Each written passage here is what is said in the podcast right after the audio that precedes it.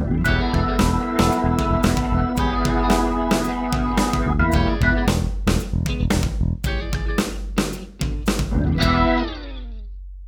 Jaringan Pegiat Literasi Digital atau JAPLID dan juga Siberkreasi baru saja merilis empat modul yang salah satunya membahas tentang aman di uh, dunia digital. Nah, sebagai respon atas isu yang sedang hangat sekarang kebocoran data, kemudian juga modul yang baru saja dirilis, hari ini CFDS bekerja sama dengan JAPLID dan JTOX akan mengadakan diskusi terbuka. Um, diskusinya sebenarnya kita akan membahas secara lebih umum apa sih yang dimaksud dengan aman di dunia digital, bagaimana kita bisa aman di digital serta siapa saja kemudian yang bisa berpartisipasi untuk meningkatkan keamanan bersama di dunia digital.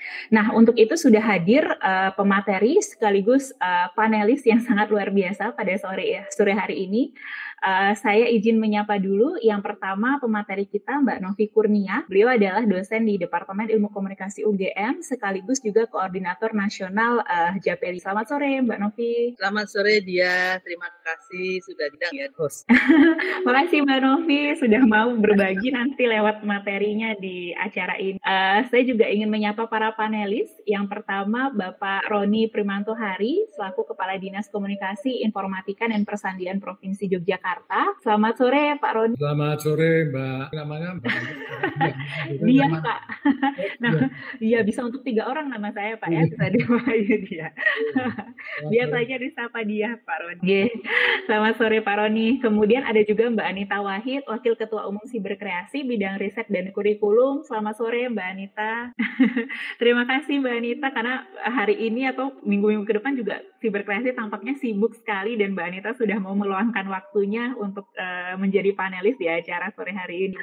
Dan yang ketiga panelis kita Bapak Eka Indarto, perwakilan dari uh, eh, RTIK Yogyakarta. Selamat sore Pak Eka. Selamat sore ya. Ya tadi Pak Eka juga sudah sempat cerita dia pengalamannya yang saya pikir sangat relevan untuk diskusi kita hari ini. Kita juga pasti akan banyak sekali belajar dari Pak Eka. Oke, uh, tanpa berpanjang lebar, sekarang kita akan masuk pertama ke materi. Jadi Smart People kita akan mendengarkan dulu uh, pembahasan dari Mbak Novi sebelum kita uh, bertanya kepada para panelis yang sudah hadir. Mbak Novi, mungkin ini hanya untuk memantik saja Mbak. Seperti tadi sudah kita obrolkan bersama begitu ya, ada beberapa persoalan terkait dengan keamanan digital, kemudian baru saja ada modul yang dirilis terkait dengan aman digital. Sebenarnya Mbak Novi, apa yang sih dimaksud dengan aman? Bagaimana sih kita bisa menjadi aman dan siapa saja yang bisa berpartisipasi untuk uh, menjaga keamanan digital? Itu sedikit pemantik saja Mbak Novi. Monggo untuk materi. Oke, terima kasih Mbak Dia. Uh, mohon izin Pak Roni Kak Anit, Mas Eka, semua teman-teman bekerja di uh, ruang digital ya, terutama terkait dengan literasi dan pendampingan saya kira. Intinya sebenarnya begini, kenapa sih perlu ada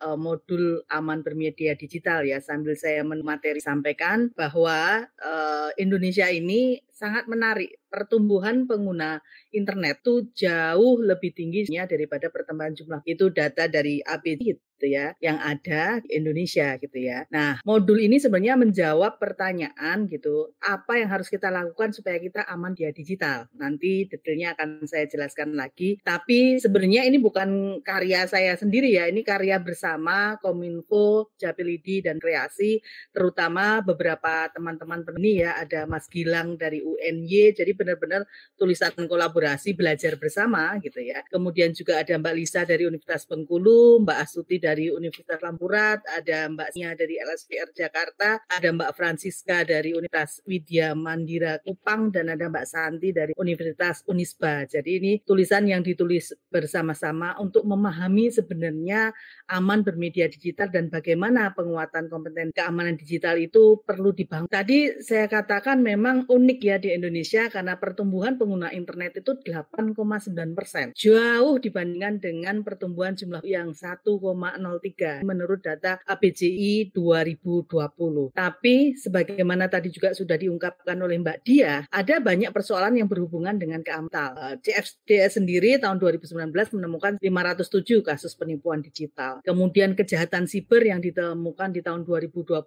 dari Januari sampai November 2020 yang dilaporkan oleh Direktur Direktorat Tindak Pidana Siber Barreskrim Polri ada 4.205 dan yang paling baru yang masih tangani oleh pemerintah hingga sekarang adalah terdapat dugaan 279 juta data WNI yang bocor. Yang kasusnya rame banget ya dan tentu saja ini masih bergulir gitu ya prosesnya. Nah, ini yang harus kita bayangkan gitu ya. Kita bayangkan dari hal yang bahwa gawe kita ini adalah pintu mental. Entah kita pakai handphone, tablet, atau laptop laptop atau komputer dengan berbagai macam aplikasi, platform media sosial, e-commerce dan juga berbagai macam data yang kita bisa masukkan ke internet gitu ya, internet of things itu adalah pintu kita ke tahu. Jadi sebagaimana di dunia nyata, kita tidak akan meninggalkan pintu rumah kita tanpa perangkat-perangkat keamanan yang memadai. Kalau rumah ya kita kalau mau pergi rumah memastikan kalau punya alarm alarmnya nyala, CCTV-nya nyala kalau punya TV tapi paling nggak kunci atau atau memastikan juga hal-hal yang lain ya pintu jendela semua misalnya.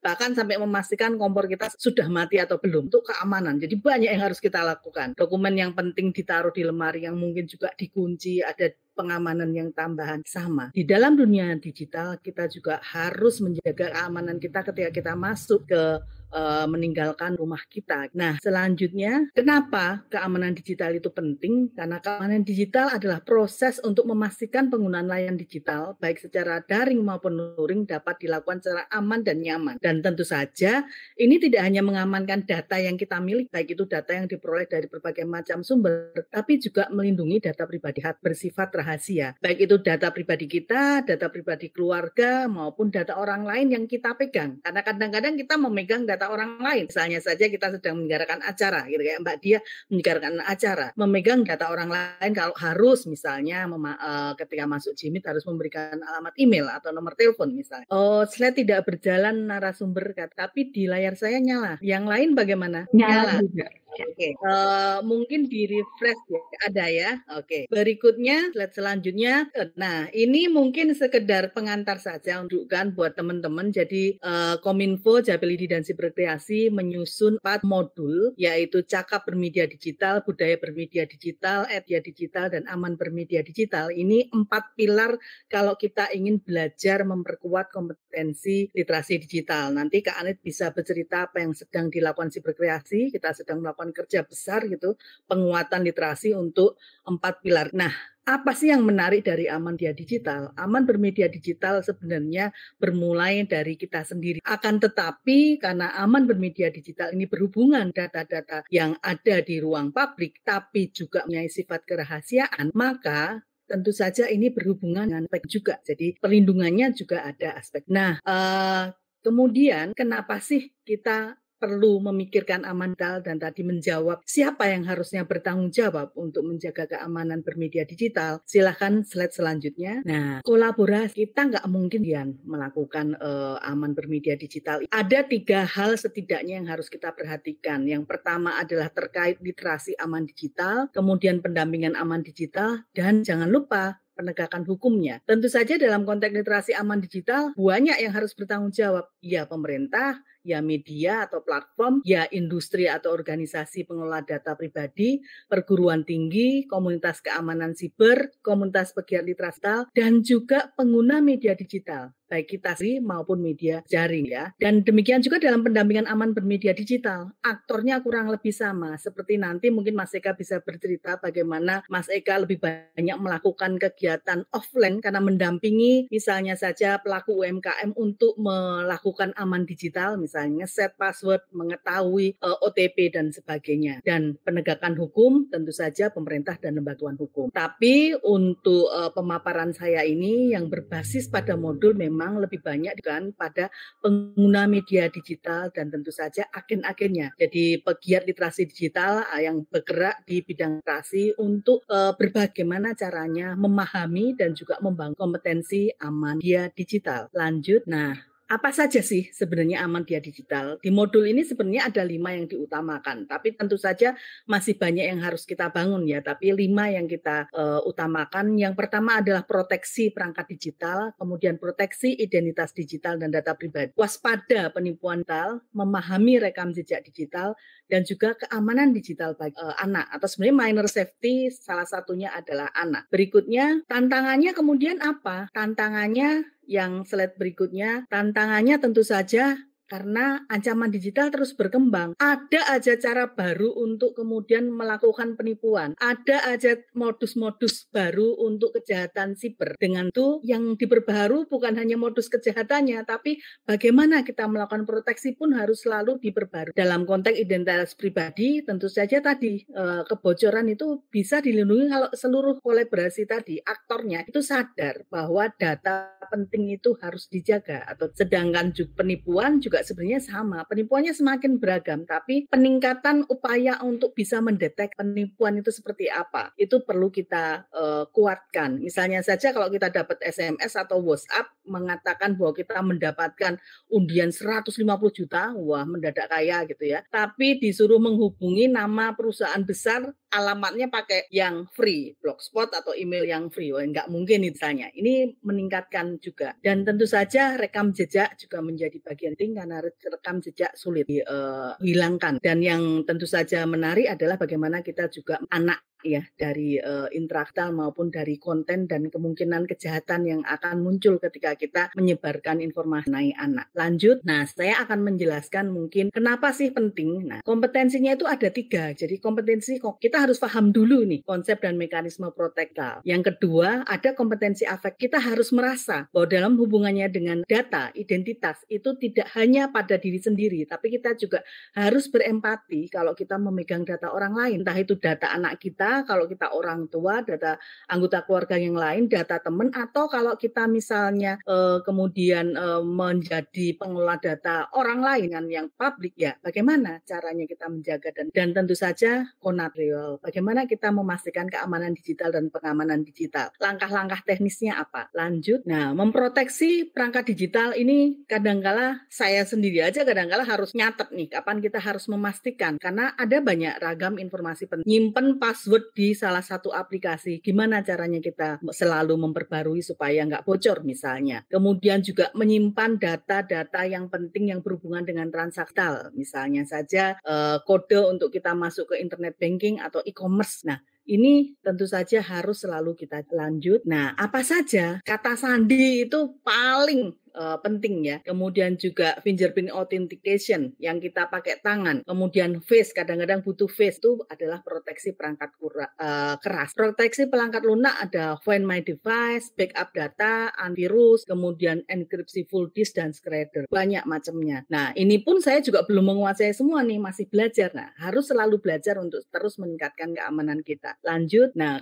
bagaimana kemudian kita juga memahami identitas digital? Jangan lupa, identitas digital itu ada yang terlihat dan ada yang nggak terlihat. Yang pertama yang terlihat tuh kayak nama akun, bebas kita mau menggunakan nama uh, kita sendiri atau pakai nama samaran atau nama panggung, tapi yang penting kita bertanggung jawab. Foto profil, deskripsi pengguna, identitas yang lain. Tapi jangan lupa, kalau bisa jangan, bahkan saya bilang kalau kalau bisa jangan harus ya menyimpan tanggal lahir kita dan nama ibu kandung kita, karena biasanya dua identitas ini selalu digunakan untuk identitas perbankan. Identitas yang tidak terlihat adalah PIN, two factor authentication, OTP dan identitas lain. Jangan diberikan pada orang lain karena ini adalah kunci masuk ke rumah kita tadi yang hanya kita sendiri yang kemudian bisa menggunakan. Selanjutnya, data pribadi juga begitu. Harus kita perhatikan. Ada data pribadi nama, jenis kelamin, kewarganegaraan, agama, tanggal lahir, pekerjaan, alamat rumah, email dan nomor telepon. Ini pun kita juga harus hati-hati bahkan ketika kita dimintain nomor telepon teman kita oleh orang lain kita harus memastikan menanyakan apa boleh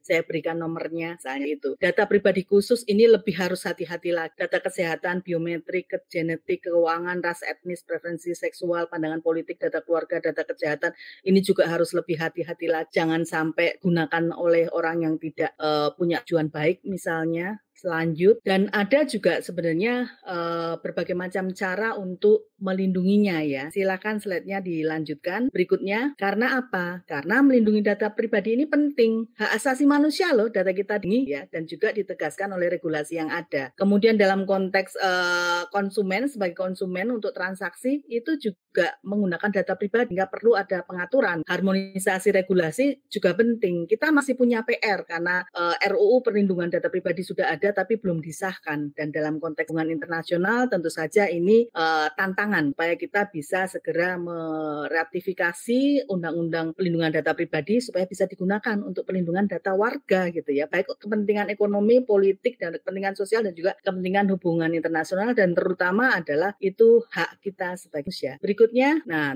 ini tips yang teknis ya yang tentu saja kita harus masih selalu bertanya pada diri termasuk saya. Apakah kita sudah menggunakan password yang kuat dan kemudian diatur, uh, diperbarui secara berkala memahami pengaturan privacy setting kalau kita sedang menggunakan aplikasi tertentu hati-hati mengunggah data pribadi uh, hindari untuk membagikan data pribadi uh, di berbagai akun platform digital. Kemudian juga kalau kita sedang menggunakan wifi gratis juga harus hati-hati. Pilih aplikasi yang tentu saja uh, aman dibaca dengan dengan baik jangan langsung di accept itu juga salah satu uh, yang kadang kala kita lupa ah, biar cepet set, langsung oke okay, gitu aja. Padahal kita nggak tahu itu data kita boleh nggak diambil oleh mereka. Kita sering kali lupa dan pembaruan perangkat lunak tadi juga penting. Dan jangan lupa kalau ada ada hal yang mencurigakan harus kita laporkan. Entah itu ke misalnya pengelola platformnya atau platformnya atau ke yang berwenang ya misalnya polisi atau misalnya kominfo itu juga bisa. Silahkan selanjutnya. Nah ini regulasi kalau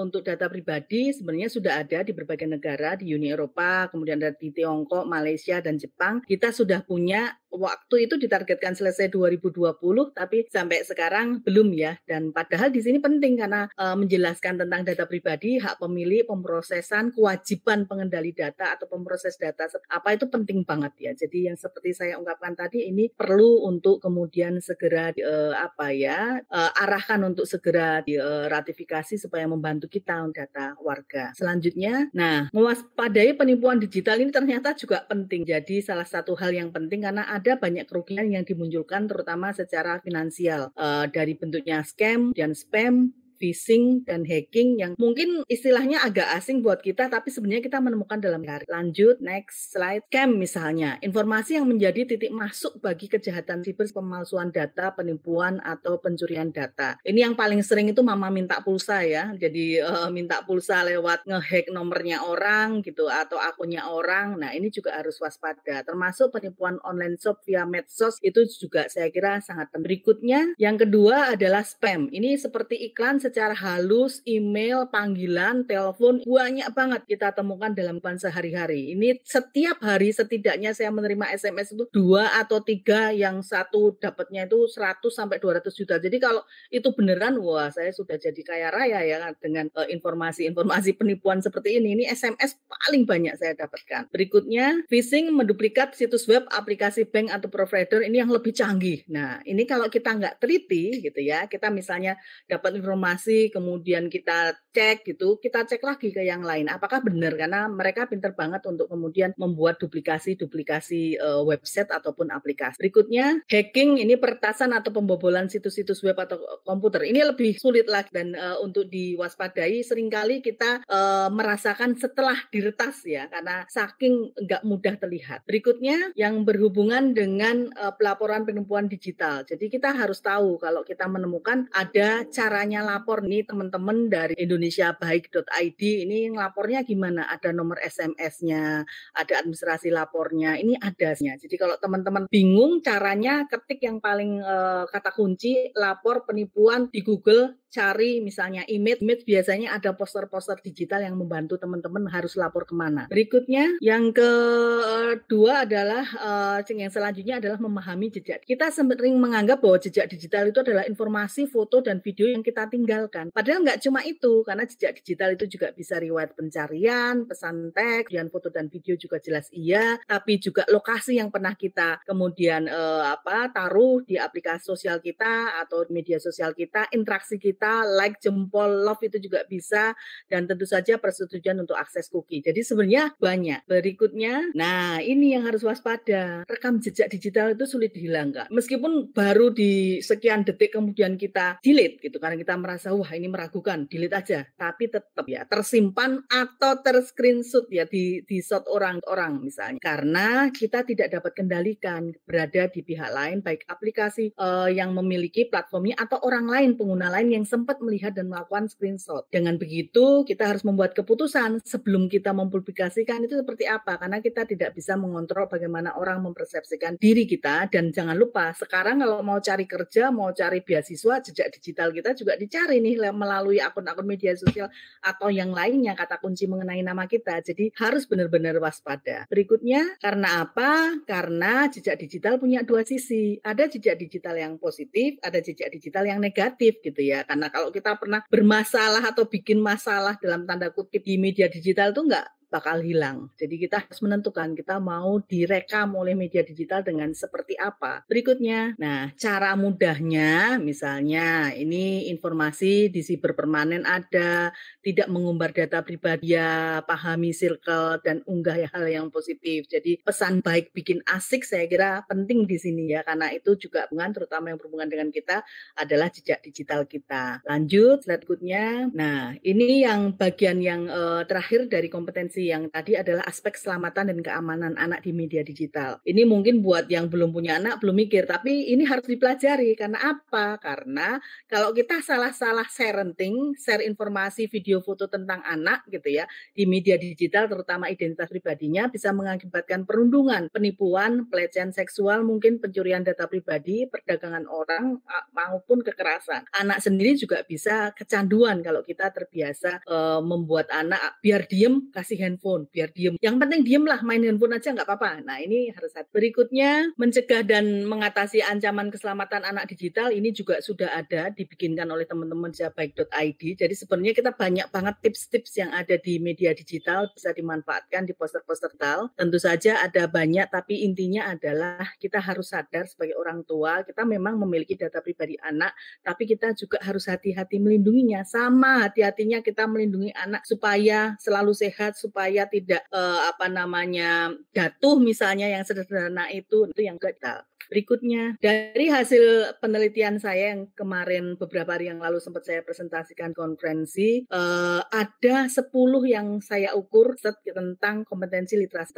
atau serenting atau kompetensi bagaimana orang tua melindungi data anak itu ternyata macam-macam. Satu yang paling tinggi adalah orang tua yang saya teliti ini mempunyai kemampuan hampir maksimal, karena maksimalnya adalah angka 5, itu untuk mengunggah foto anak dalam situasi yang tidak inappropriate, tidak layak. Jadi misalnya anak lagi belepotan atau anak lagi mandi itu mereka sadar tinggi banget. Yang nomor dua adalah melindungi personal identitas. Alhamdulillah identitasnya itu sadar gitu responden saya. Kemudian melindungi kondisi fisik dan mental juga sadar. Kalau anaknya lagi ngambek ya jangan di-share dong. Nanti kalau anaknya lihat, kasihan juga dong itu mendowngrade ya eh, apa namanya eh, sifat anaknya digital gitu. Kemudian juga melindungi privasi masih tinggi, kemudian juga melindungi anak yang sedang tadi misbehavior ya misalnya nakal misalnya. Kemudian frekuensi juga dipertimbangkan eh, nomor 6 kemudian juga men, kebutuhan untuk berbagi hanya pada important moments atau momen yang penting kayak ulang tahun dan macam-macam juga eh, lumayan. Memproteksi anak ketika sakit itu eh, minta doa. Kan ada ya minta doa anaknya sakit difoto anak sakit. Jangan minta doa nggak usah dikasih fotonya juga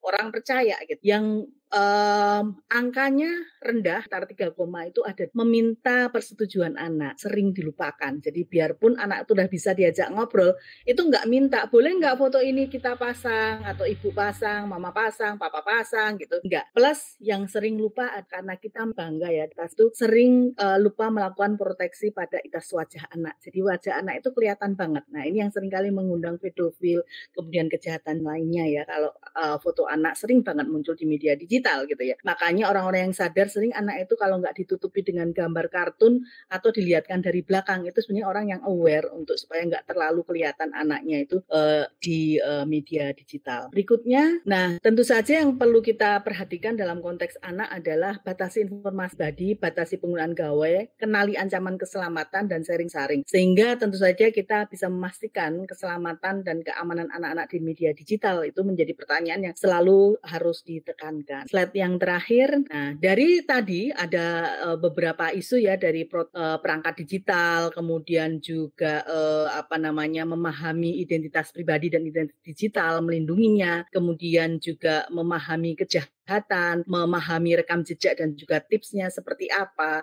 dan juga e, melindungi keamanan anak, tentu saja kita harus memastikan dengan identitas digital dan data diri sendiri maupun keluarga dan juga orang lain, e, baik saat membagikan maupun memproduksinya itu harus kita pikirkan. Dan mau nggak mau tadi siapa yang bertanggung jawab, kita wajib terlibat, baik secara individual dengan berpartisipasi maupun secara kolektif dengan berkolaborasi jika menemukan pelanggaran identitas digital dan data di depan mata kita, termasuk juga ketika kita menemukan hal-hal yang mencurigakan kait dengan keamanan digital. Saya kira hanya dengan kolaborasi kita bisa memperkuat keamanan digital supaya bangsa Indonesia dunia maya ini juga aman gitu, sama amannya dengan nyata. Terima kasih, semoga waktunya nggak molor. Saya kembalikan pada Mbak Dia. Terima kasih, terima kasih banyak Mbak Novi atas pemaparannya. Saya jadi uh, lumayan tertampar ini karena jarang banget ganti password Mbak, terutama karena lupa gitu kan. takut takut lupa kemudian takut keblokir dan segala macam jadi uh, jarang. Tapi uh, benar ini salah satu langkah pertama ya untuk di dunia digital. Tadi ada beberapa banyak yang sebenarnya saya catat. Yang salah satunya menantang juga adalah dengan semakin canggihnya sistem keamanan sistem security teknologi segala macam ternyata modus orang untuk uh, melakukan penipuan atau misalnya untuk uh, ya mendapatkan data-data pribadi kita juga semakin berkembang ya uh, Mbak Nov. Sehingga upgrade pengetahuan itu sangat uh, dibutuhkan lakukan. Kemudian uh, bagaimana kita menghandle tidak hanya data kita, tapi Mbak Novi juga tadi bilang bagaimana menghandle data orang lain, data yang kita pegang, kemudian termasuk data uh, anak kita.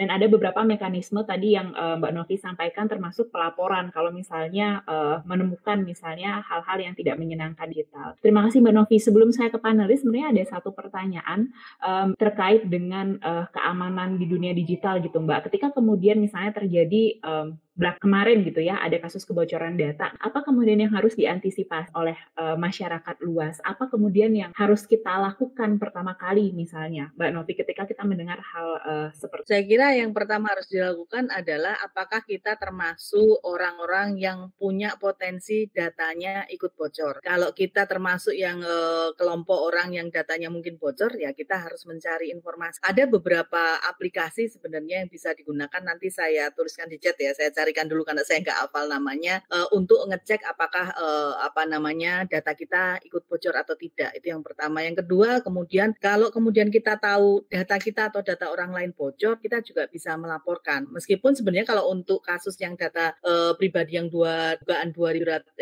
274 juta ini masih diproses ya. Kalau memang menemukan hal yang mencurigakan kan juga saya kira perlu lapor ke yang berwenang ya. Yang sekarang sedang menangani adalah uh, Kominfo, BSSN dan Barreskrim kalau nggak salah yang sekarang sedang menangani ya. Karena nggak mungkin dilakukan sendirian ya. Dan tentu saja kalau yang organisasi yang juga kemarin uh, datanya bocor adalah dari BPJS ya. BPJS. Nah uh, itu yang saya kira penting dan kemudian melaporkan kalau kita memang ngalir ada uh, data bocor. Memang nggak mudah ya. Saya saya sendiri aja kemarin sempat nanya ke teman-teman siberkreasi, caranya gimana ini gitu. Makanya saya nanti tak cekkan dulu. Ada beberapa yang bisa kita platform yang kemudian kita bisa memastikan ya data kita bocor atau tidak tuh malah sudah ada yang bantu nih. Ada cek data yang bocor, ada ada beberapa platform yang bisa menawarkan data bisa googling ya ke ke apa namanya tuh ada periksa data Kak Anit juga sudah menambahkan ada banyak. Nah, kita perlu memastikan data kita atau data keluarga atau data orang yang kita kenal juga bisa sih karena kita sebagai pelapor itu bisa untuk diri sendiri atau bisa untuk orang lain kalau memang kita yakin uh, ada indikasi ke arah sana. Jadi yang nggak mudah memang dari tiga tadi, tadi kan ada tiga ya,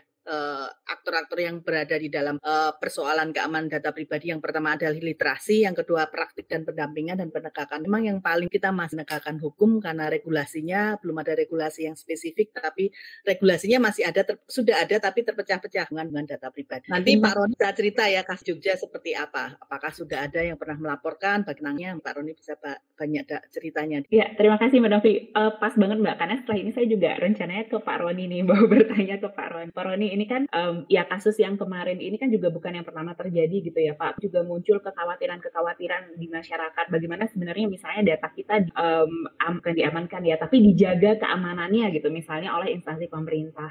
Nah berdasar pengalaman Pak Roni sendiri sebenarnya uh, bagaimana sih Pak sistem keamanannya begitu? Apakah kemudian memang serangan-serangan uh, siber itu memang sesuatu yang uh, sering terjadi atau seperti apa Pak Roni kalau berkaca dari kasus di Jogja? Oke, terima kasih Mbak Dia. Jadi memang uh, saat ini ini kita kan sedang akselerasi pemanfaatan teknologi dengan adanya uh, pandemi COVID. Namun kayaknya kepedulian tentang pengamanan data pribadi masih rendah. Saya melihat itu tidak hanya di kalangan uh, anak muda dan orang tua, tapi ternyata juga di kalangan pendidik maupun apa kalangan intelektual itu ternyata juga kepedulian atas keamanan data ini masih rendah. Ini mungkin karena adanya kayak lompatan teknologi yang harus kita lalu. Tadinya eh, banyak orang yang untuk sekedar berkomunikasi dengan telepon saja susah, langgan pun aja susah. Itu kira-kira mungkin 5-10 tahun yang lalu. Tapi tiba-tiba sekarang ini orang dengan uang satu setengah juta, bahkan mungkin satu juta, orang sudah bisa menggunakan handphone, mempunyai handphone dengan kemampuan smart yang sangat luar biasa, di mana di sana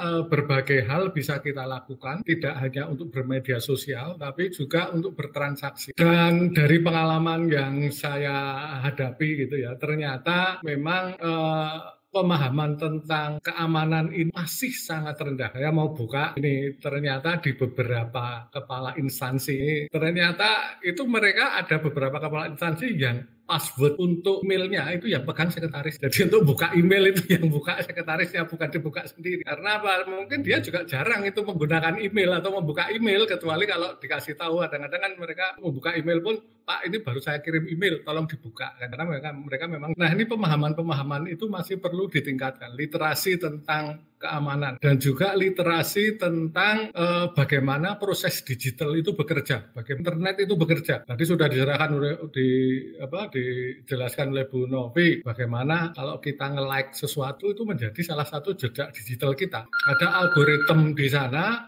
yang menyebabkan kita itu jadi ketahuan nih saya sukanya apa gitu kan saya pergi di mana. Nah, hal-hal kayak gitu tuh masih belum ada pemahaman gitu ya. Jadi masih banyak pemahaman-pemahaman yang harus kita literasikan ke masyarakat agar mereka pergi dan aware terhadap sistem keamanan sistem keamanan. Ya, ini mungkin terkait dengan adanya apa uh, itu tadi lompatan pemanfaatan teknologi informasi yang sangat luar biasa saat uh, pengalaman kami di Pemda DIY ya kami ini dituntut terutama karena Bapak Gubernur itu sangat concern terhadap keamanan sehingga kami mempunyai perda uh, pergub terkait sistem manajemen keamanan informasi SMKI Pergub itu uh, turunan dari uh, Perda terkait pemanfaatan teknologi yang dibuat oleh uh, DPRD DIY. Jadi di sana memang kita mengatur bagaimana supaya uh, para penggiat atau pengguna teknologi informasi di lingkungan Pemda itu aware terhadap keamanan informasi. Kita juga membentuk CISER di beberapa puli juga sudah membentuk, tapi mungkin di ini termasuk yang pertama CISER-nya di Computer System Incident Response respon timnya termasuk yang pertama. Dan kemudian kita juga berusaha untuk uh, meng, apa, sertifikasi sistem keamanan informasi kita. Dan saat ini kita sudah tersertifikasi di ISO 2700 keamanan informasi. Uh, memang sangat berat bagi kami di Dinas Kominfo yang saat ini diberi tugas terutama di era pandemi ini di mana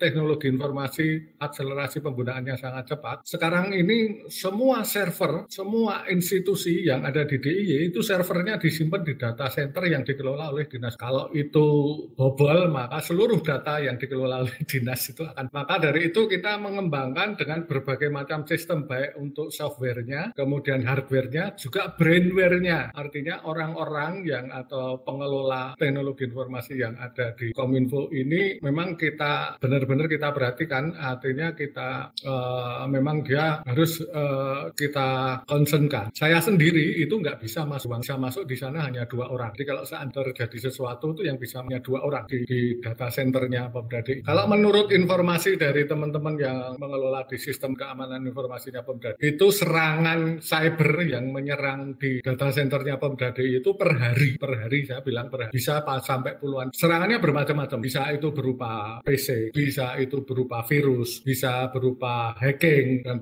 dan macam-macam uh, kurang lebih 10 ribu. Dan uh, beberapa waktu yang lalu kita juga bekerja sama dengan komunitas. Dan ini kan terkenal dengan komunitas yang uh, sangat peduli dengan sistem keamanan. Karena kita tahu beberapa waktu era-era intelijen terkenal katanya hackernya banyak. Tapi uh, ternyata mereka itu uh, peduli dengan orang-orang uh, yang memang sama uh, apa uh, concern terhadap keamanan sehingga mereka bisa kita ajak kerjasama. Bahkan uh, kita mengajak setiap kali ada website atau aplikasi yang upload akan di up kita pen test dulu. Kita adakan uh, penetration test dan itu yang ngetes teman-teman dari hacker sehingga mereka bisa tahu di mana bolongnya dan nah kemudian dari beberapa laporan yang kita pernah kita dapat memang uh, apa serangan-serangan atau kebocoran-kebocoran itu ternyata kebanyakan bukan karena sistemnya tapi karena di bagaimana uh, seperti misalnya beberapa waktu yang lalu salah satu rumah sakit uh, perus pemda satu rumah itu uh, bisa dimasuki uh, ransomware. Itu gara-gara salah satu operator mereka itu tidak tahu bagaimana dan mereka ada link dan itu. Nah ini yang jadi kalau dilihat seperti itu sistemnya itu mungkin sudah bagus tapi manusianya yang perlu di, di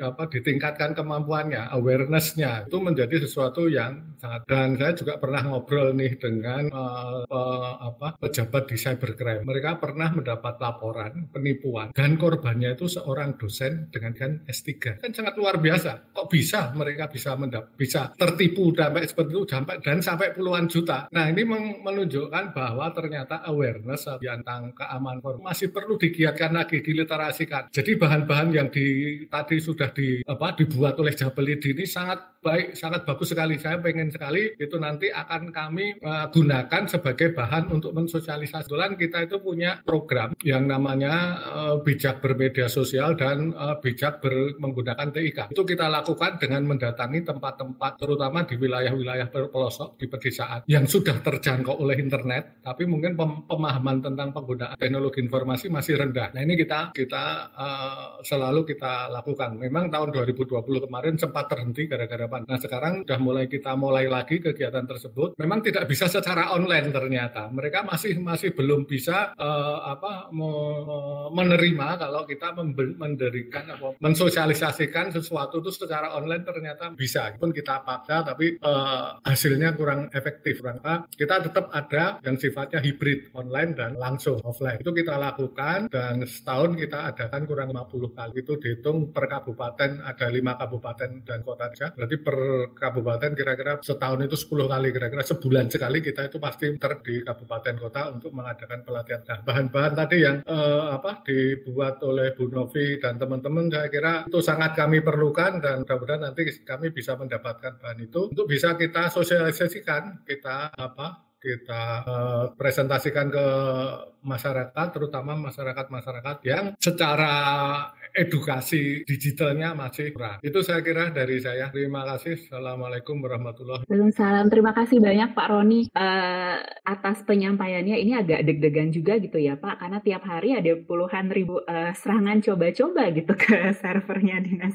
uh, Kominfo. Dan mungkin ini juga terjadi nggak hanya begitu ya Pak, tapi juga server-server uh, lembaga pemerintahan lain gitu ya. Ya, kalau memang kalau untuk DIY servernya hanya terkoneksi terpusat di data center servernya Pemda. Jadi OPD lain nggak boleh punya server, nggak boleh data center untuk memudahkan pengelolaannya karena kalau mereka juga mengelola data center kita khawatir mereka tidak concern terhadap uh, keamanan. Nih, terima kasih Pak Roni dan uh, sangat uh, saya pikir semoga momen ini juga bisa jadi pintu membuka pintu untuk kolaborasi antara uh, Dinas Kominfo, kemudian juga JPLID, CFDS, Siberkreasi dan tentunya RTIK begitu nggih Pak uh, untuk literasi digital ke masyarakat. Saya uh, mungkin pindah ke Pak Eka dulu. Uh, Pak Eka, Pak Eka kan banyak mendampingi uh, masyarakat uh, secara langsung untuk literasi digital. Sebenarnya yang saya ingin tanyakan apa sih Pak isu utamanya gitu ketika kita bicara tentang literasi digital termasuk keamanan uh, digital. Apa sih sebenarnya yang menjadi masalah utama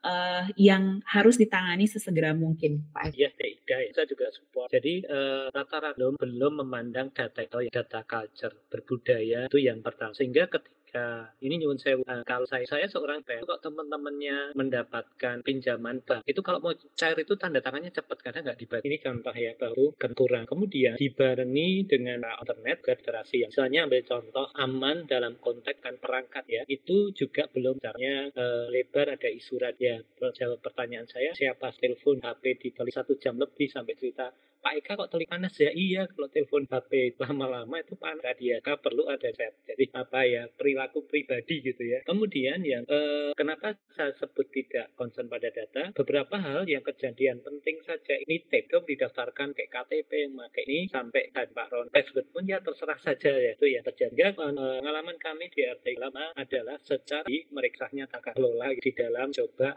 kan basis data yang baik. Create informasi membuang itu kita dalam cara nah Kemudian uh, yang yang ada melihat bahwa kemudian kemudian serba mereka bahwa gratis itu segala. Kalau gratis artinya saya boleh membelikan jadi, jadi persoalan dan kebetulan kritik-kritik saya ada media lain yang menjadi password itu boleh contoh kalau ada acara sepak bola disebutkan misalnya sponsornya katakanlah apa ya eh, sabun mandi. Itu sampai tolong password sabun mandinya di Nah di sini itu mendorong password boleh disampaikan. Kadang kata ketika ada informasi cepat nih dapat hadiah ada password bahkan nyebut password ATM diberikan serta merta kan tadi gitu tuh yang berikutnya. Jadi eh, gas kita yang PIK adalah nah, persodalan dalam perangkat sih. Kemudian lihat data eh, mengelolanya sampai kita berikan sederhana. Nah, paling mudah pengalaman lapangan adalah dengan use case yang paling gampang kan, tapi untuk lebih paham kan saat case sesuatu yang sederhana mereka lakukan. Eh, ini saya berikan contoh saya suatu saat saya membantu Pemkot Jogja realisasi perlindungan personal data. Kebetulan waktu viral nah, pembobolan Bank yang waktu ini loh uangku itu hilang karena pembobolan. Kemudian apa yang kan? Saya tanya kepada peserta, ada yang sebagai nasabah BR, ada pada mungkin saya tanya dengan berita ini tahu nggak tahu Pak siapa dari, dari Bapak Mas Mbak ini yang, yang nengok ke ATM cek uh, saldonya berkurang tidak. Jauh ada action pas diganti atau ya enggak juga mbak. Jadi ada real itu juga tidak ada satu follow up jadi ini harus menjadi perilaku perilaku tertentu sehingga saya kalau feedback sin ATM atau sin atau aplikasi transaksi yang selalu mengunci untuk segera mengganti buat jadi seraskan so, uh, nah kemudian tugas kami TIK adalah tadi disampaikan mbak juga mbak Anita Wahid apa eskalasi kalau nah itu kita berikan kalau lapornya ke caranya seperti anu dan seterus. Karena saya pernah membuat percobaan waktu itu ada program yang merapi. Namanya merapi tapi merapinya makso perang grapi saya buat server itu itu makso namanya. Nah saya marahi GP Ansor. Webnya dia gara kajian pornografi jadi kekunci nggak bisa dibuka web. Nah dari saya akhirnya selalu mengandalkan mesin tim RTKK akhirnya kita mengandalkan model uh, sosial itu yang kemudian yang kedua adalah uh, pendamping untuk pemahaman keamanan ini di level kelompok ini ada KM dan sama uh, pemahaman pada mereka dalam memberbang teknologi secara smart dalam concern pada anu, keamanan. Nah di sini penekanannya bukan cang dalam aplikasi keamanan tapi lebih pada how do you write protect secara cara, cara baik. Kemudian uh, yang berikutnya adalah level kelompok biasa naikkan level ekosistem itu karena sudah bekerja barengnya. Ketika ada sesuatu yang KMD dan cara ada ide untuk mulai mengenakan digitalisasi perbankan tapi sekaligus literasi dari aspek keamanan perbankan. Sudah ekosistem. Jadi uh, code ya.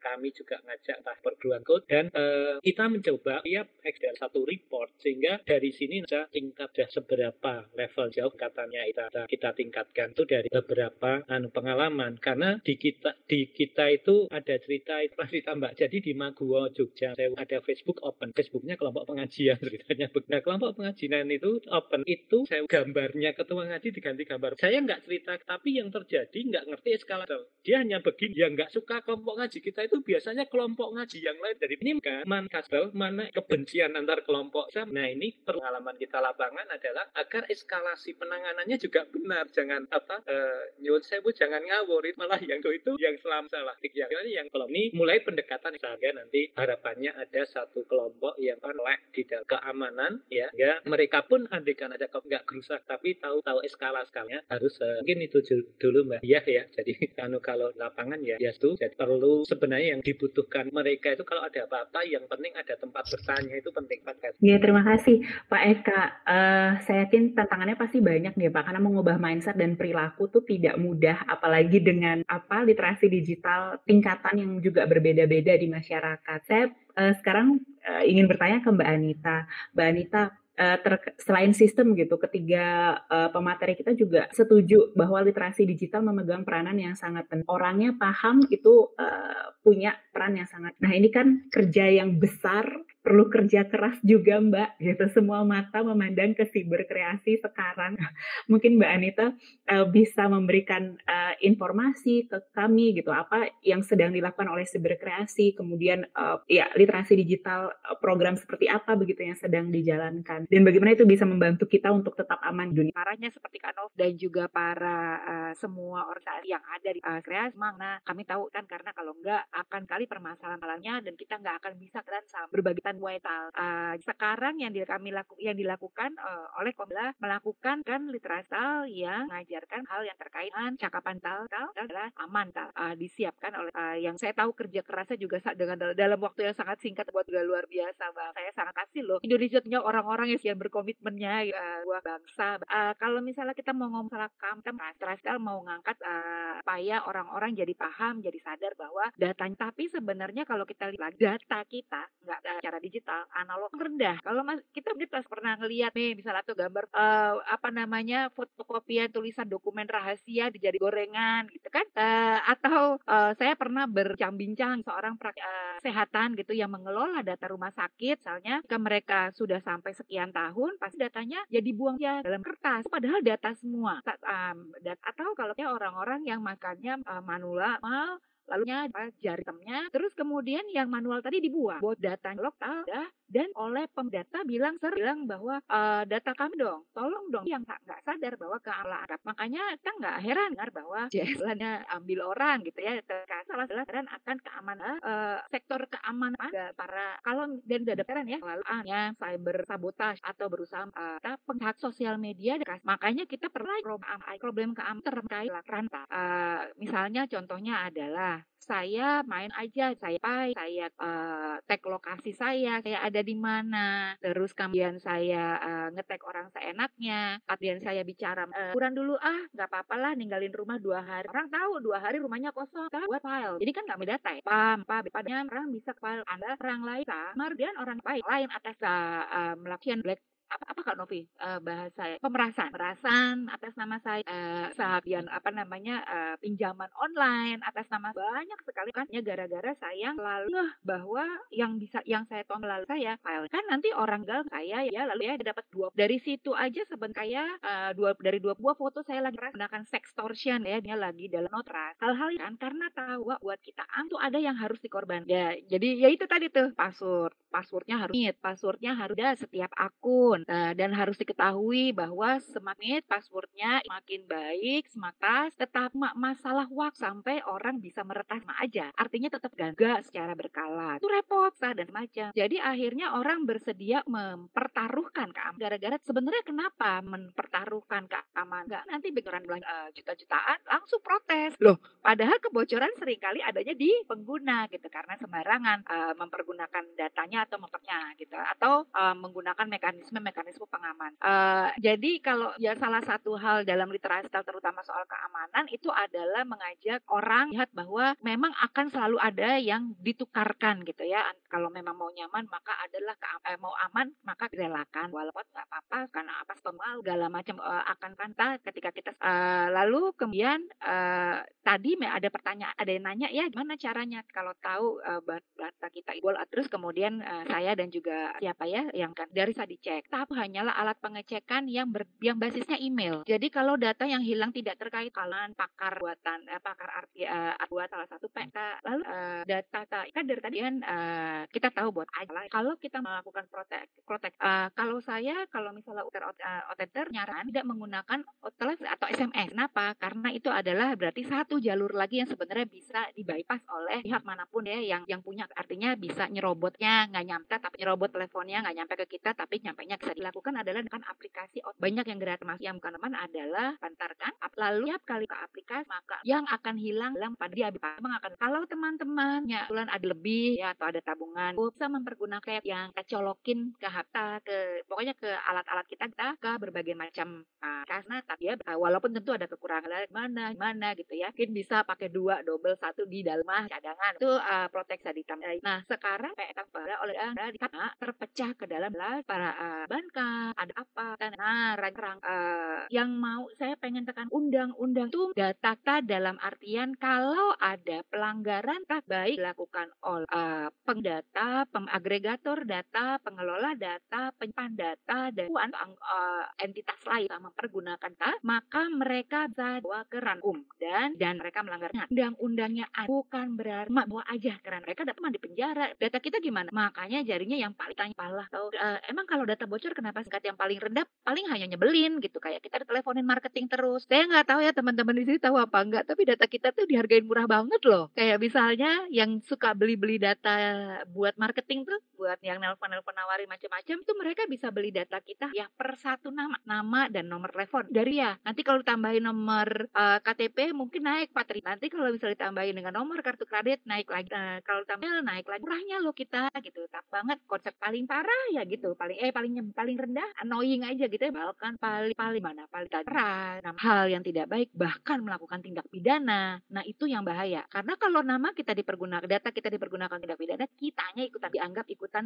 makanya uh, dianggap data itu mak uh, apa TET karena remeh enggak lo udah pernah ngerasain data tahu betapanya uh, data ini data ini kita anggap aja kayak celana dalam atau pakaian dalam ya gitu uh, harus terutama password gitu harus sering diganti tapi orang lain nggak boleh tahu. Uh, terus kemudian kalau sekarang kita ngomongin keamanan maka sebenarnya nggak cuma terutama tadi yang data nggak file tapi berapa memang akan ada tantang lah sama uh, akan yang cukup vokal gitu dalam uh, berbicara. Mereka target cyber attack. Jadi untuk untuk orang-orang ini yang secara saya menganjurkan benar-benar uh, pasang virus terusan ngecek malware terus pakai menggunakan template uh, keterangan uh, pas luar biasa kuat dan segala macam penang apa namanya penang-penang protek. Uh, tambahan dari saya segitu aja, Mbak Dia. Saya kembali. Makasih Mbak, Mbak Anita banyak sekali tips yang tadi sudah di share oleh Mbak Anita. Bisa kita temukan di modul juga, tah Mbak? Ada tersebar beberapa tips, tapi mungkin tips yang yang dari Mbak Anita itu pengalamannya Mbak Anita banyak banget, makanya bisa banyak cerita ya. Dan saya suka analogi celana dalamnya tadi. Harus kita gonta ganti terus dan nggak usah dikan. Oke. Okay. Makasih. Mungkin nanti teman-teman eh, teman-teman CFDS juga bisa summary-nya ya tadi karena yang tadi disebutkan oleh Mbak Anita sangat bermanfaat uh, kita semua. Jadi saya mungkin masuk ke sesi tanya jawab karena udah ada lumayan banyak pertanyaan yang mengambil sesi pertama um, in, untuk Mbak Novi dari Salma dari GM. Mbak Novi, um, saya lihat ada banyak sekali yang mudah membagikan informasi tadinya. Sebenarnya kalau ber, menurut Mbak berdasarkan riset sudah dilakukan, kira-kira apa sih motivasinya? Kemudian bagaimana cara kita kita untuk menyadarkan mereka agar lebih berhati-hati. Karena pengalaman saya banyak mereka yang pikirnya akunku ya urusanku gitu. Jadi kalaupun saya share data saya yaitu urusan saya. Uh, mungkin saya uh, sekaligus pertanyaannya ya ke panel uh, yang lain. Kemudian ada juga untuk Pak Roni. Pak Roni ini ada pertanyaan dari Mas Bayu dari Pas Gorontalo. Tadi Mbak Anit uh, sudah menjelaskan tuh uh, ada peraturan-peraturan terkait dengan uh, data tapi tersebar ke beberapa uh, sektor. Nah apabila kemudian ada Oke, okay. nah bagaimana dengan di tingkat daerah gitu? Apa bagaimana mekanisme pelaporannya? Kemudian apabila um, ada bocoran data, ya, kepada siapa kita bisa uh, melapor? Kemudian pertanggungjawaban itu untuk uh, Pak Ron. Kemudian yang ketiga ada tiga pertanyaan. Ini mungkin antara Mbak Anita dan Pak Eka, uh, mungkin ke Mbak Anita Mbak Anita. Um, bagaimana ya Mbak cara meningkatkan, uh, sorry menanamkan dua literasi kepada uh, milenial atau generasi Z, terutama dengan cara membaca buku? Karena kita tahu generasi Z sekarang lebih banyak misalnya kayaknya main game atau misalnya uh, melihat media sosial gimana kemudian mereka diajak untuk sama-sama nih membaca buku untuk uh, atau menambah pengetahuan dan juga sekait uh, literasi. Tiga itu dulu sebelum kita masuk ke sesi pertanyaan kedua. Uh, Mbak Novi dulu silahkan. Oke, terima kasih. Saya kira tadi uh, Pak Roka Anda banyak bercerita tentang bahwa kita punya kultur ini uh, apa namanya kalau dalam bahasa Jawa itu luweh suka ngasih-ngasih gitu ya. Kita itu suka ngasih Jadi dalam hidup kita sehari-hari kita itu lomo kalau bahasa Jawa uh, suka ngas. Bahkan dalam dunia digital kita juga ngas tas kita, uh, nama orang tua, tanggal lahir, sos. Salah satunya adalah tetap salah duanya adalah kita merasa bahwa dunia digital itu adalah dunia yang uh, semua bisa dipercaya, tapi kan tidak. Itu yang kita harus ingat. Sebenarnya sama. Kalau saya tadi menggunakan analog mah kayak kita kalau punya rumah banyak barang mah ada yang levelnya beda-beda ya. Ada yang berharga banget, misalnya kita nyimpen emas, duit atau rekening bank atau dokumen surat tanah, surat keluar kartu keluarga itu kan selalu kita nggak taruh di tempat yang bisa dilihat orang. Nggak mungkin itu ditaruh di meja tamu kayak toples kue lebaran yang mungkin masa, mungkin masih sisa, nggak tahu masih sisa atau nggak. Mesti ditaruh di lemari tertutup, bisa jadi itu masih ditaruh lagi di dalam dokumen dan sebagainya. Ini kayak tadi, data pribadi itu ada yang dan ada. Jadi kalau yang khusus kita nyimpannya juga lebih yang tadi. Sebenarnya sama, kita kan nggak mau kecurian nih gitu ya. Kecurian itu kan bisa macam-macam tuh tadi kan tanya banget dari yang kita kesel karena diteleponin terus sampai yang itu membawa kita ke tindak pidana kalau tindakan dilakukan untuk dan puan atau yang lain. Sama halnya e, kalau kita sayangilah data kita karena bisa dimanfaatkan orang lain tidak bijak yang bisa merugikan kita dari rugi yang secara e, jengkel tadi dan rugi yang secara material karena bisa berhubungan dengan misalnya dibobolnya misalnya internet bank atau rugi secara legal karena kemudian kita terseret ke kasus-kasus. Memang nggak mudah karena sering kali kita lupa bahwa tidak semua nggak cuma di dunia digital ternyata kita juga harus hati-hati, nggak cuma pada strangers atau orang lain, tapi juga pada orang-orang yang dekat kita. Karena pemanfaatan uh, kita, baik itu baik data, identitas pribadi, apa yang kita miliki,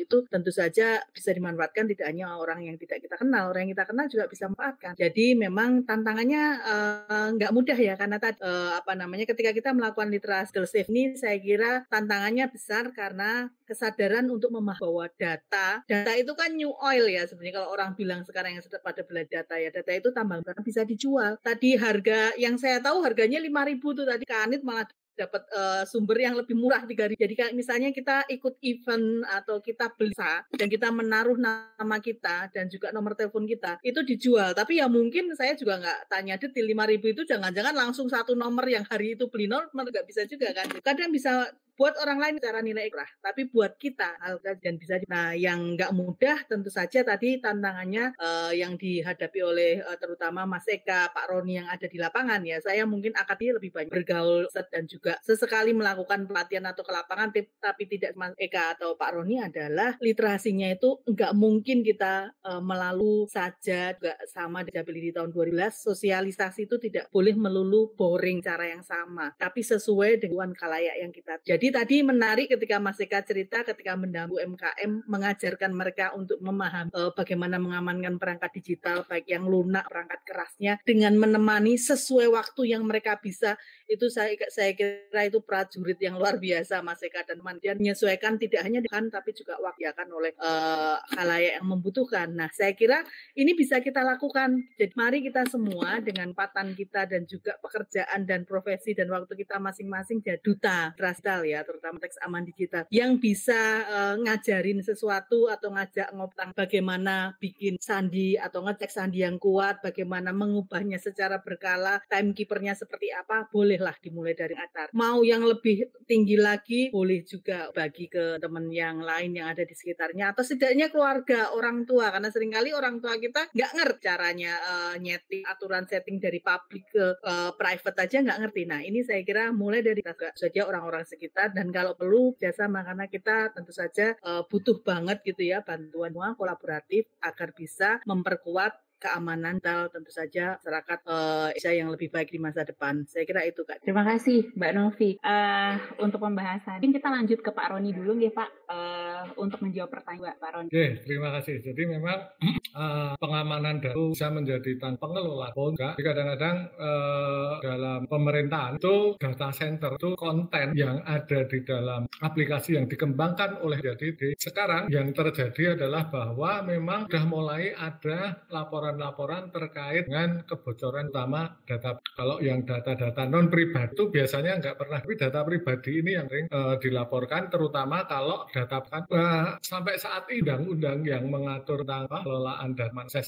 Namun uh, undang-undang yang dipakai ketika kebocoran jadi itu adalah undang-undang. Nah, yang akan mengimplementasikan atau menggunakan undang EE dalam rangka pelaporan kejadian cybercrime itu adalah nah untuk di daerah pun seperti itu. Artinya kalau terjadi lapornya di kepolisian karena dia yang akan menindak secara uh, undang-undangnya. Nah, ke Kominfo hanya membantu kan uh, pelaporan terkait dengan memang uh, apa kadang-kadang memang di daerah itu Kominfo itu dianggap memahami seperti juga tentang laporan hoax. Laporan hoax itu kalau memang kalau hoax itu sifatnya lokal gitu ya kadang-kadang memang kita atasi sendiri. Tapi kan sekarang itu hoaxnya lokal itu kan jurnal atau bahkan dan itu biasanya sudah ditangani uh, Kementerian Kominfo bersama komunitas-komunitas yang lama bantu dalam tapi uh, yang jelas memang kewenangan Kominfo di daerah itu ya sebatas pada pengelolaan data yang, yang ada dalam rangka yang tentu yang terkait misalnya aturan data karena misalnya ada aplikasi yang lain bukan menjadi kewenangan pemerintah daerah itu langsung kita laporkan ke kepolisian kan itu saya Terima kasih penjelasannya Pak Ron. Uh, semoga menjawab ya pertanyaan dari peserta tadi. Ya, kita lanjut ke pertanyaan ketiga yang untuk Mbak Anita dengan pengalaman di siberkreasi gitu Mbak. Bagaimana cara kita uh, meningkatkan literasi tadi antara Gen Z atau milenial? Uh, saya kan ngomong al membaca terang sebenarnya dengan problem ini dengan anak-anak saya. Uh, macam-macam cara saya udah pakai, tapi ada beberapa yang cara. Pertama adalah nyadar bahwa saya dan kita sekolah anak, oh kita pakai. Bagus loh, bagus loh, mulai yang baru, atau uh, hal-hal yang menarik. Topnya apa kita saat akhirnya uh, saya bahwa udah apa uh, aja. Gua kalau pikir bahwa kalau uh, kan kalau tujuan dapat wawasan, uh, pokoknya belajar banyak nggak pernah di internet ya. Dan anak-anak kalau sekarang nggak baca uh, gawai bukan? Kamera semua bahwa dalam uh, akan berbeda kalau tujuan kita minta mereka baca buku yang beneran hard copy adalah supaya pas dari gawai. Nah itu urusannya beda. Tuh. kalau yang itu terus terang kalau saya akhir lakukan peraturannya adalah uh, menentukan ada uh, time sekeluarga uh, yang struggling bukan aja gitu ya di tengah-tengah kerja. Ya sekarang udah mas time. Padahal meetingnya belum kelar gitu yang tadi ya. Jadi harus harus waktunya berapa? Kemudian uh, ah, ah, kalau yang pahuannya lagi. Kalau pengalaman mungkin kalau dari ahli-ahli pendidikan dan ahli-ahli parenting akan berbeda dan yang lain gitu ya ya mbak dia makasih mbak Anit. Iya saya seperti ini bisa jadi topik tersendiri ya mbak. Uh, digital addiction kemudian digital parenting mungkin untuk digital uh, kita punya. Karena saya yakin banyak yang mengalami masalah uh, serupa gitu uh, gadget addiction. Terima kasih uh, mbak Anit. Kita masuk ke sesi kedua pertanyaan sesi kedua.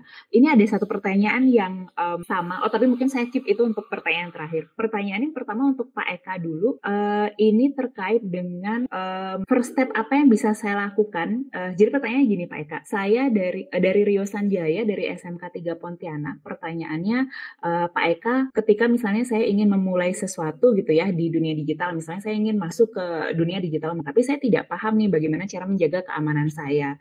Maka langkah pertama apa kemudian yang harus saya lakukan gitu uh, untuk membekali diri saya? Atau misalnya langkah apa yang bisa saya lakukan untuk membekali uh, lingkungan di sekitar uh, saya? Itu pertanyaan pertama untuk uh, Pak Eka Kemudian uh, yang kedua, mungkin ini pertanyaan untuk semua panelis sebenarnya karena dari sekian banyak yang masuk, uh, sebagian besar menanyakan tentang tentang uh, UU PDP gitu. Jadi uh, tadi Mbak Ani sudah membahas, Pak Roni juga, Mbak Novi juga sudah membahas. Ternyata para peserta punya concern yang sama. Pertanyaannya ada beraneka ragam, mulai dari uh, bagaimana caranya agar UU ini segera disahkan, misalnya bagaimana agar prosesnya bisa dipercepat. Kemudian ada juga pertanyaan terkait ada uh, um, apa ada perbedaan pendapat begitu tentang uh, pengawas siapa yang harus mengawasi uh, pelaksanaan atau implementasi UU PDP ini nantinya. Karena pada di draft terakhir misalnya pengawas ini masih berada di tangannya Kominfo. Padahal pada saat yang bersamaan Kominfo juga bertindak sebagai data prosesor dan juga data controller. Jadi ada uh, concern dari peserta juga di sana. Tapi um, mungkin yang ingin saya tanyakan kepada semua panelis sebenarnya seberapa urgensinya RUU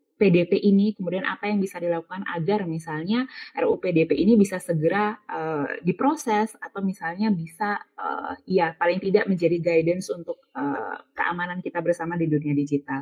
Itu nanti untuk semua panelis. Yang pertama saya persilahkan ke Pak Eka dulu. Silahkan Pak Eka. Iya, baik. Jadi untuk masuk ke apa tadi digital marketing, digital marketing, bagaimana create, play, dan bagaimana untuk tetap aman. Dalam digital marketnya secara utuh ada unsur contenting, bagaimana komunikasi. Yang ketiga, bagaimana melakukan transaksi. transaksi. Nah, di dalam digital marketing yang pertama dari aspek pembuatan konten, pas bahwa konten yang kita miliki tidak ada unsur misalnya ya atau tidak ada unsur misalnya andekan pun menggunakan konten orang itu ada. Kemudian yang ketiga itu sering kita lihat marketing itu ada watermarknya kalau mereknya Mbak Dewa Ayu itu punya Dewa Ayu kecil ya itu itu contohnya sehingga itu menanggulang kalau ada kemudian penciplakan. Walaupun kemarin ini ada uh, cerita Mbak Ayu Mbak. Mbak saya itu dikomplain dalang Mbak. Pak Eka komplain kam padahal Jawa itu kan lagu NN nonim. Kenapa tahu-tahu dia mempunyai hak itu gitu? Ya ya ada catat apa. Anu ya ya ini jadi PR juga. Kita clear bahwa kalau anonim ya anonim nah itu yang kemudian yang itu adalah uh, memaham platform di dalam sosial media. Karena antara Instagram maupun WhatsApp punya petunjuk bagaimana caranya. Ada WhatsApp bisnis ada uh, Facebook bisnis maupun Instagram bisnis. Itu di situ ada tata cara untuk mengelola agar apa ya kan? Itu yang kemudian ketika kita mengadakan marketplace ya itu usahakan marketplace yang betul-betul marketplace yang sudah dia bersertifikat atau yang memang menjadi sudah menjadi layanan yang kan tapi sudah menjadi layak sudah otoritas kalau boleh nyebut merek kan banyak ya ada Sokoya, Bukalapak dan kayak gitu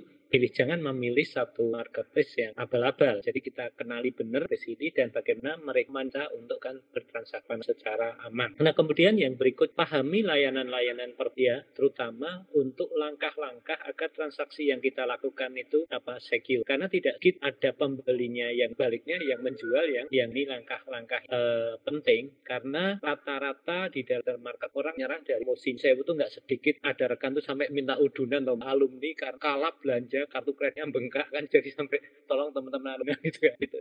Itu kan jadi e, karena merasa murah kalau e, ini ada kerja di dalam itu citizenship itu memang kalau luar e, apa e, pemahaman belanja digital. Jadi satu literasi literasi yang menjadi apa ya semacam jadi e, literasi pihak kan. Mau nggak mau besok harus ya jadi literasi itu sampai jak berbelanja gitulah kurang lebih. Nah e, seorang harus memahami bagaimana berbelanja dan melibatkan di dalam kas produk. Jadi kira-kira gitu mbak langkah dan yang baik dan bertransaksikan platform dengan kemudian yang terakhir lihat baik dan produk kita ya. Terutama uh, siap ketika kita menghandle uh, menghandling eskalasi kalau ada komplain apa yang karena di dalam uh, digital marketing kalau pembelajar ada etik etik itu di antaranya mampu menang komplain custom secara baik dan memberi solusi yang baiknya. Kurang kasih terima kasih Pak Eka. Uh, sangat detail apa yang harus kita perhatikan gitu ketika misalnya tadi masuk ke uh, digital marketing kemudian kaitannya kaitannya dengan aman di dunia digital. Nah ini untuk penutup sekaligus uh, ini pertanyaan penutup karena yang paling banyak menanyakan terkait dengan UU PDP. Saya ingin meminta pendapat kepada semua panelis. Mungkin saya mulai dengan Mbak Novi dulu. Silahkan Mbak Novi. Oke, makasih Mbak Dia. Saya kira tadi sudah saya sampaikan ya. Secara sehari-hari kita sering menerima informasi-informasi yang tidak kita inginkan, baik itu melalui terutama melalui SMS ya, karena WhatsApp itu lebih uh, apa namanya kalau kita nggak ngasihnya enggak, tapi SMS bisa. Tadi kayak informasi tentang kita dapat hadiah ini itu. Tawaran pinjaman online itu sehari saya paling tidak tiga empat kali. Saya dan suami pernah ke provider untuk yang nomor-nomor ini yang sudah disinyalir beberapa kali buat di stop gitu. Tapi mereka nggak. Itu artinya apa? Sebagai pria digital sebagai warga kita punya hak untuk memilih uh, yang mana yang kemudian kita mau berikan informasinya.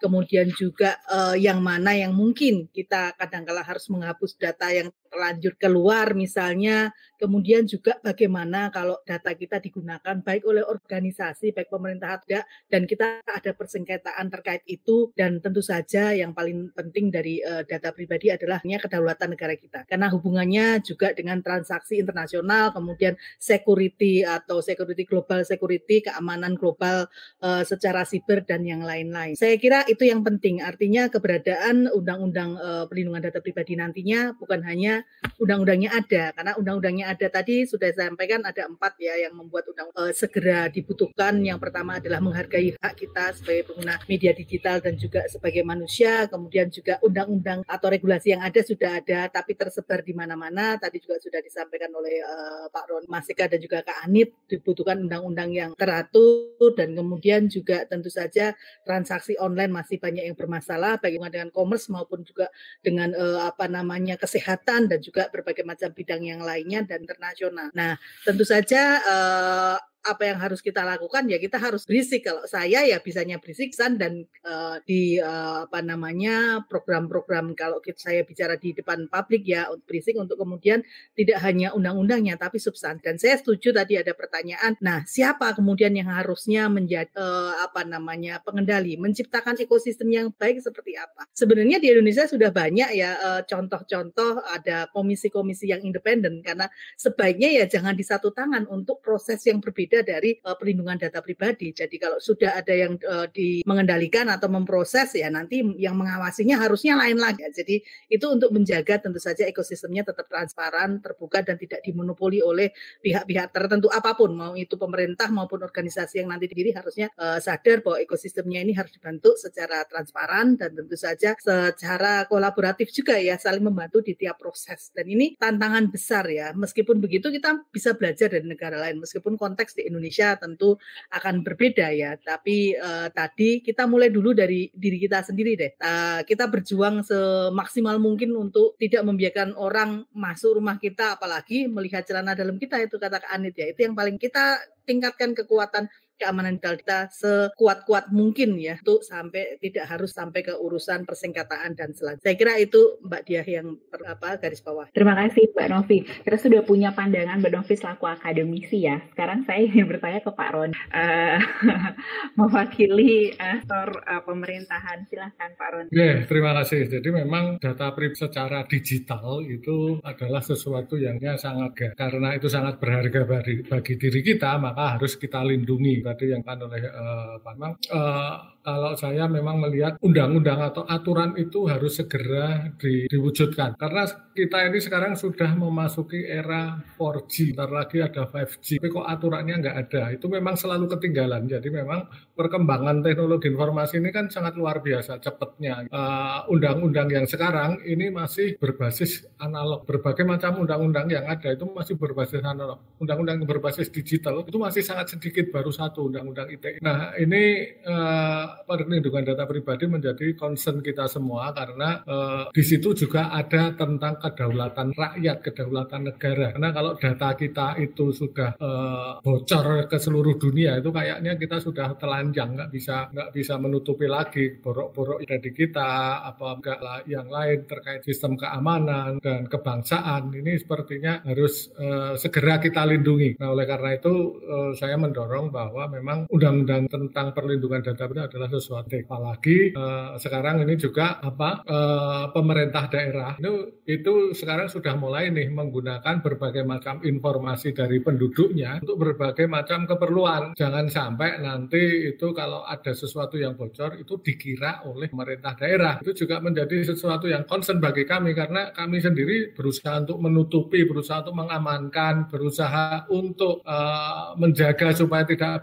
tapi institusi yang lain itu mungkin tidak sepeduli kita, padahal data yang dimiliki, mungkin data yang dikelola hampir sama dengan yang punya kita. Nah ini akan menjadi eh, kami yang mengelola dengan benar-benar ini menjadi seolah-olah sia-sia gitu sia-sia dan bahkan kita merasa bahwa apa yang kita lakukan ini kok tidak dihargai oleh institusi yang lain. Nah ini maka dari itu perlindungan data pribadi juga menjadi semangat kami dalam mengelola uh, informasi maupun data-data yang kami lakukan dalam rangka untuk layanan publik ini sangat penting. Nah memang dimulai dari diri kita. Jadi memang dari beberapa pengalaman yang saya dapatkan itu uh, hardware, software itu bisa kita beli, bisa kita uh, gunakan. Kalau kita punya duit untuk pengamanan itu bisa. Rumah kita seperti juga kalau kita analogikan dengan rumah, sistem keamanannya bisa kita buat. Tapi kalau manusianya yang ada di dalamnya tidak peduli, bisa akan sia-sia. Jadi hampir semua proses atau kejadian yang terjadi di dalam pemerintahan, kebocoran data atau mungkin uh, serangan cyber yang ada, itu kebanyakan berasal dari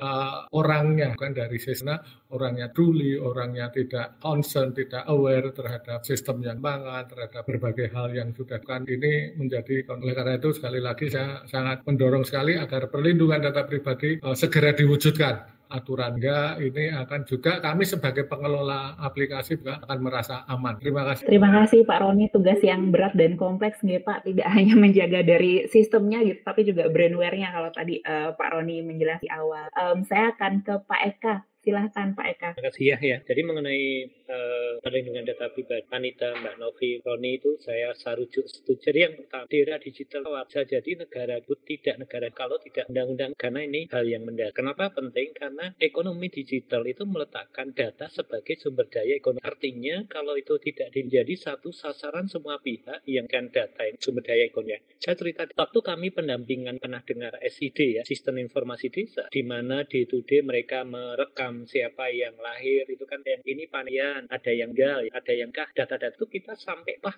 admin tidak boleh mengeluarkan data yang sembarang ya. Karena apa? Data di SID itu detail. Misal nyon saya mohon ada rumah yang nggak punya jamban itu kelihatan ada yang nggak belum punya kelihatan. Bayangkan itu kalau masuk konstituen R itu bisa jadi jualan gitu loh. Nah ini lah akun di sampai level desa itu apa? Jadi profesor nggak sembarangan karena data itu bisa menjadi uh, apa menjadi tadi sebagai berdaya yang bisa dipakai oleh kepolisian sehingga sehingga uh, wajarnya kalau segera undang-undang but karena ini uh, apa data itu apa kan saya setuju Mbak di, uh, perspektif sehingga kalau ya jalankan ini menjadikan yang apa namanya komplain. Ya, ya seperti Singapura ya Singapura itu memandang bahwa uh, data masyarakat sumber daya yang ternilai gitu ketat mereka sendiri. Kalau kita punya perspektif yang sama dan itu menjadi campaign menjadi pemerintah bahwa data itu adalah sumber daya baru yang yang lebih baik di dalam uh, tata kelola terima kasih terima kasih kasih Pak Eka, menarik sekali. Data merupakan sumber daya baru ya Pak, yang harus di mindset yang um, harus dimiliki uh, sekarang.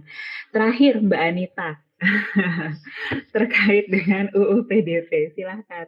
Dia uh, seperti yang saya katakan tadi, uh, eh, RP sekarang kan lagi sekarang sedang pengesahan di DPR. Kalau DPR udah oke, okay, berarti sudah. Um, tapi sekali lagi saya mau mengingatkan bahwa undang-undang nantinya hanyalah kalau saya mau ngibarat, apakah kita punya undang-undang mengenai Tuhan? Ya. Tapi apakah pembunuhan terjadi sehari-hari? Iya, gitu ya. Jadi walaupun undang-undangnya ada, tetap kejahatannya berlang yang artinya apa? Maka kita yang selalu harus supaya tidak menjadi target. Hal yang sama juga perlu kita terapkan dalam data kita. Jadi undang-undangnya akan uh, si undang-undang PDP ini kalau sahkan akan membawa pelaku pelanggarannya ke tapi bukan berarti undang-undang orang salah berpikir bahwa kalau ada undang-undang berarti datanya aman. Enggak gitu gitu. Lihatnya bukan seperti itu. Cuman yang melanggar bisa dibawa ke meja hukum. Jangan berpikir bahwa undang-undang PDP ini kemudian kayak mesin yang kemudian buat orang tidak bisa mengakses lagi data-data kita enggak. Dan kewajiban kita sebenarnya yang untuk mastiin bahwa di bagian nah, keaman kita sudah memastikan keamanan uh, untuk membuat ekosistem keamanan benar-benar bisa berlangsung. Gak bisa nuntut hanya misalnya dari tah memastikan dari legislatif kan gak hukum serhari ini nggak bisa seperti yang dikatakan uh, Pak Roni tadi. Pak Roni uh, bahwa memang semuanya harus kerja keras. Termasuk di antara yang harus kerja keras itu adalah para pihak yang pulkan data. aplikasi apta kita wajib kan data oleh pihak lain. Uh, itu satu. Yang kedua yang berwajib itu adalah misalnya pihak-pihak lain yang ngelola data kita tetapi jangan salah data kesehatan kita kan juga penting ya. Mas yang data, data kesehatan kita jawab dan harus sistem keamanan yang besar misalnya. Uh, belum lagi bank dan segala macam. Selain itu juga perlu misalnya agar pendidikan literasi dalam sekolah secara secara formal. Dari anak-anak udah mengerti keamanan itu justru karena dari kelasnya presentasikan segala sesuatu menggunakan hal-hal olahnya uh, kebutuhan pelajaran mereka semak uh, dari kan berarti ya gua telat dong ya nggak apa-apa gitu kan. Kita masih uh, kemudian yang paling penting adalah setiap pihak yang ada di dalam harus selalu adalah seanta pemerintah berhak bahwa data kita. Tetapi kita juga kewajiban kan data. Setiap entitas yang ada di dalam itu kewajiban dan hak sama. Nggak bisa misalnya data kita cor terus kita nanya siapa yang perlu disalahkan? Gara-gara data bergantung gitu. Atau data di Shoptan bocor, data di toko apa bocor. Tergantung manitanya membuat protek nggak kalau gue nggak naikkan. Nah, salah satu hal yang sebenarnya bisa kita lakukan kalau akan tahu kajian-kajian mana cara melakukan tetapi yang perlu kita ajak juga itu adalah kebiaran mereka itu perlu kita ajak sama menyelipkan ke dalam itu akan sarian ya. Terima kasih Mbak Anissa untuk memberikan perspektif lain uh, tentang uh, eh, RUU PDP ini ya Mbak uh, dan ya tadi Mbak Anissa juga mengatakan ini adalah Excel yang nggak bisa kita memberikan tanggung jawabnya hanya pada satu pihak saja gitu tapi semua yang bermain di sini juga punya kewajiban yang uh, sama uh, baik saya pikir itu karena uh, itu saja diskusi kita pada sore hari ini karena sudah kan hampir pukul 5 juga. Mungkin sedikit yang ingin saya wrap up. Yang pertama ada banyak sekali yang uh, saya catat uh, di sini terkait dengan keamanan dunia digital ya, tidak hanya diri tapi juga orang lain bagaimana kita menjaga data uh, orang lain atau pengguna lain. Kemudian tadi para panelis juga sepakat terkait dengan pentingnya regulasi uh, terkait perlindungan data pribadi baik untuk penyedia layanan publik maupun juga tadi untuk mendorong digital ekonomi. Tapi regulasi bukan satu-satunya uh, cara begitu untuk meningkatkan keamanan secara keseluruhan. Perlu ada kerja keras baik dari sisi penyedia layanannya, kemudian dari pengelola datanya hingga kita sebagai pengguna juga memiliki peran untuk dapat terus meningkatkan kemampuan kita, kemampuan literasi digital kita dan syukur-syukur kemampuan orang orang-orang di uh, sekitar kita. Terima kasih sekali lagi saya ingin mengucapkan kepada Mbak Novi, Pak Roni, Mbak Anit, dan juga Pak Eka yang sudah mau meluangkan dua jam waktunya untuk uh, berbagi ilmunya kepada kami di sini. Untuk teman-teman Smart People, uh, saya juga ingin mengucapkan terima kasih karena sudah uh, tidak beranjak gitu ya dari awal hingga akhir acara. Semoga bisa menambah pengetahuan semua, semoga tetap sehat, semoga tetap aman di digital. Mbak Novi, Pak Roni, Mbak Anita, Pak Eka, saya akhiri acaranya. Semoga terus sehat, sukses selalu. Kita bisa bekerja sama lagi di kesempatan yang akan datang. Terima kasih semuanya. Terima kasih. Terima kasih semuanya.